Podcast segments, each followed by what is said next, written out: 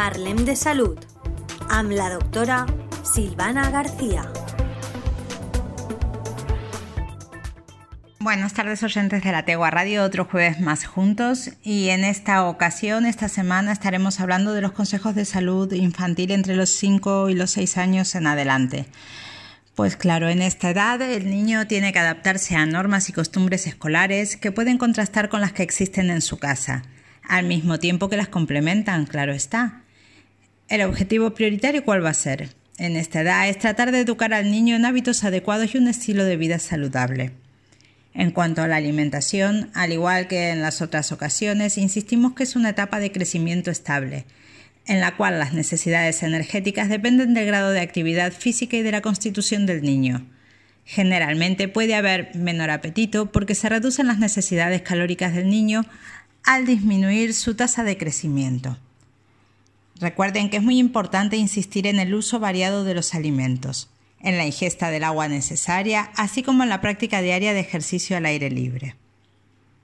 Al igual que cuando tenía tres años, la dieta se distribuirá en cinco tomas: desayuno, media mañana, complemento del desayuno, comida, merienda y cena. El consumo de alimentos recordamos que debe ser unos lácteos de 3 a 4 raciones diarias que complementen los 500 mililitros diarios. Los lácteos que debe tomar el niño son leche, queso y yogur pescados y carnes magras de 2 a 3 raciones diarias, huevos 2 o 3 a la semana, legumbres 2 o 4 raciones a la semana, lo que sería un cuarto de taza por ración. Los frutos secos deben ser masticados bien para evitar atragantamientos y el aceite de oliva de 3 a 6 raciones al día, 5 mililitros cada ración.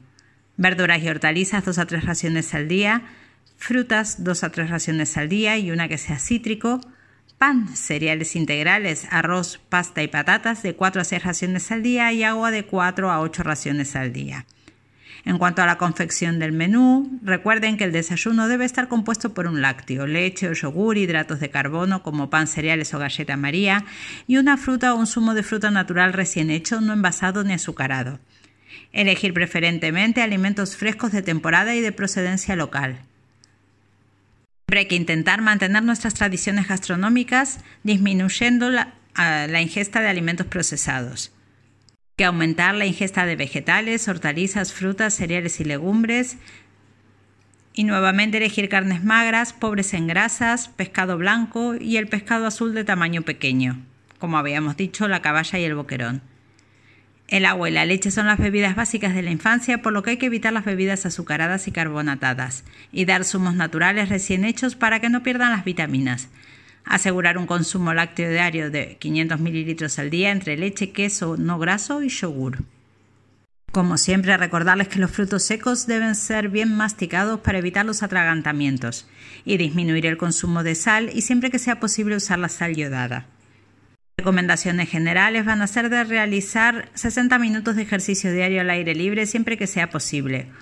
Hacer un buen desayuno, levantándose con tiempo suficiente para que pueda desayunar bien y tranquilo.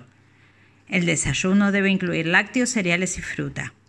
Hay que estimular la ingesta de agua como mejor bebida, restringiendo el consumo de refrescos, zumos y bebidas carbonatadas que contribuyan a la obesidad. El uso de dulces, bollería y caramelos debe ser muy limitado o excluido y no premiar, sobornar o recompensar a los niños con estos alimentos u otros típicos de restaurantes de comida rápida o hamburgueserías. Como siempre antes de la comida hay que cuidar la preparación de los alimentos con la limpieza, textura, presentación, color y olor. Los alimentos se deben presentar en forma atractiva y variada, teniendo en cuenta los gustos del niño. Hay que estimularles a colaborar, en poner la mesa y en participar con la elaboración del alimento. El horario de la comida debe ser regular y no se debe comer entre horas. Hay que intentar comer en familia siempre que se pueda y cuidar el ambiente que rodea la comida sea agradable y distendido. Mantener las normas del comportamiento con uso de cubiertos y servilletas. Intentar no chillar en la mesa, no estar cantando, usar cubiertos y servilletas. Si el niño rompe las reglas, es mejor recordárselas y si insiste, debe suspender la comida sin gritos ni manifestaciones de ansiedad.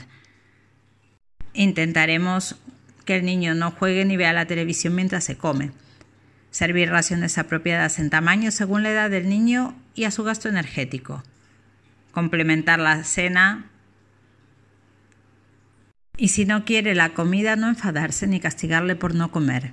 Tras un tiempo prudencial, retirar el plato y no ofrecer nada hasta la siguiente comida. Tampoco ofrecer alimentos alternativos ya que estimula el comportamiento caprichoso. Es el niño quien regula la cantidad de lo que come según la sensación de hambre o saciedad. No se le debe forzar ni amenazar. El niño aún no controla esfínteres, es hora de que consulte con su pediatra. En cuanto a la higiene, es importante estimular su autonomía en el autocuidado. Recordamos que el cepillado dental debe hacerlo solo, después de las comidas, pero que los padres debemos complementarlo hasta los 8 o 10 años de edad.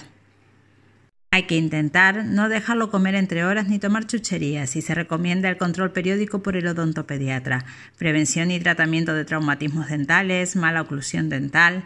Debe acostumbrarse a vestirse y de vestirse solo, abrocharse los zapatos, peinarse y guardar su ropa.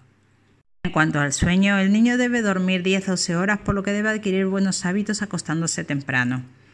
También hay que levantarle con tiempo suficiente para que desayune bien antes de ir al colegio. En cuanto a la prevención de accidentes, los mismos que para las edades de 3 a 6 años.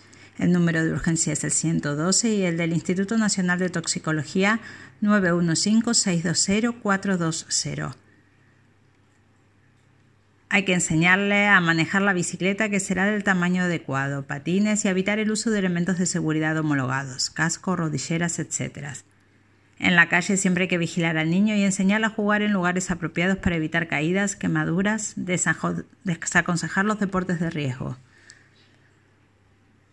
Para protegerse del efecto dañino del sol hay que utilizar fotoprotectores y hay que enseñarle su dirección y su teléfono. Debe cruzar la calle cogido de la mano del adulto para evitar atropellos y hay que enseñarle las normas viales. Enseñarle las normas viales, que no acepte nada de extraños y a respetar los animales. Recordar que tanto en el agua como en el coche no hay que dejarlo nunca solo, que es necesario fomentar la autoestima y el desarrollo, por lo que hay que alabar la conducta positiva e ignorar la negativa. Establecer normas de comportamiento acordados por ambos padres y explicarle el porqué de las normas de forma que lo entienda. Los padres deben observar si hay dificultades en el lenguaje, lectura y escritura, comprensión de lo leído, psicomotricidad, observarle cuando realiza sus tareas, si sabe organizarse, si se agobia. Hay que estimular al niño a desarrollar la confianza en sí mismo y la responsabilidad, enseñándole a colaborar y a respetar a los demás. Hay que valorar su relación con los hermanos, con los amigos, observar si durante el juego con otros niños se comporta de forma aislada o se integra. También hay que valorar su relación con los profesores y compañeros del colegio y hablar con los profesores de vuestro hijo. Adaptación, relación, cumplimiento de reglas. Es importante decirle al niño lo que queremos que haga, cómo y cuándo, de forma clara y con cariño. La mejor forma de integrar a los niños en la familia es asignándole pequeñas responsabilidades según la edad y haciéndole participar en actividades cotidianas. Hay que estimularle con paciencia y corregir con cariño los pequeños errores. Tu forma de reaccionar ante estos errores influirá en su autoestima. Ya son más mayores y entre las actividades que se pueden realizar están la de cuidar sus cosas, juguetes, ropa, las de la casa, aprendiendo a valorar las cosas comunes, acompañar cuando se va al supermercado para ver los alimentos que se necesitan y el coste de las cosas, ayudar a cuidar animales domésticos, aprender a preparar su mochila, elegir la ropa que se va a poner, ordenar su cuarto o el baño después de usarlo, hacer su cama, poner la mesa. Se debe jugar con el niño fomentando los juegos al aire libre y animarle a jugar con otros niños. Dedicar tiempo a escucharle lo que dice, lo que quiere decir y lo que expresa sin palabras. Contestar las preguntas que haga sobre cualquier tema, sexo, enfermedad, etc., con sinceridad y adaptado a su edad. Si su hijo recibe información en el colegio u otras fuentes sobre sexualidad y otros temas, debe discutir los contenidos con él para conocer lo que sabe, aclararle conceptos y dar confianza al niño para hablar de cualquier tema con usted. A partir de los 8 o 9 años, las niñas deben ser informadas sobre la menstruación. Hay que controlar los programas que se ven en la televisión y accesos a Internet, videojuegos con los que juegan y no ver la televisión más de una hora al día fuera de las comidas y acompañados de los padres. Bueno, espero que les haya gustado. Como siempre, los saluda Silvana, los invito a compartir. Nos vemos el próximo jueves. Saludos. Parlem de Salud Am la doctora Silvana García.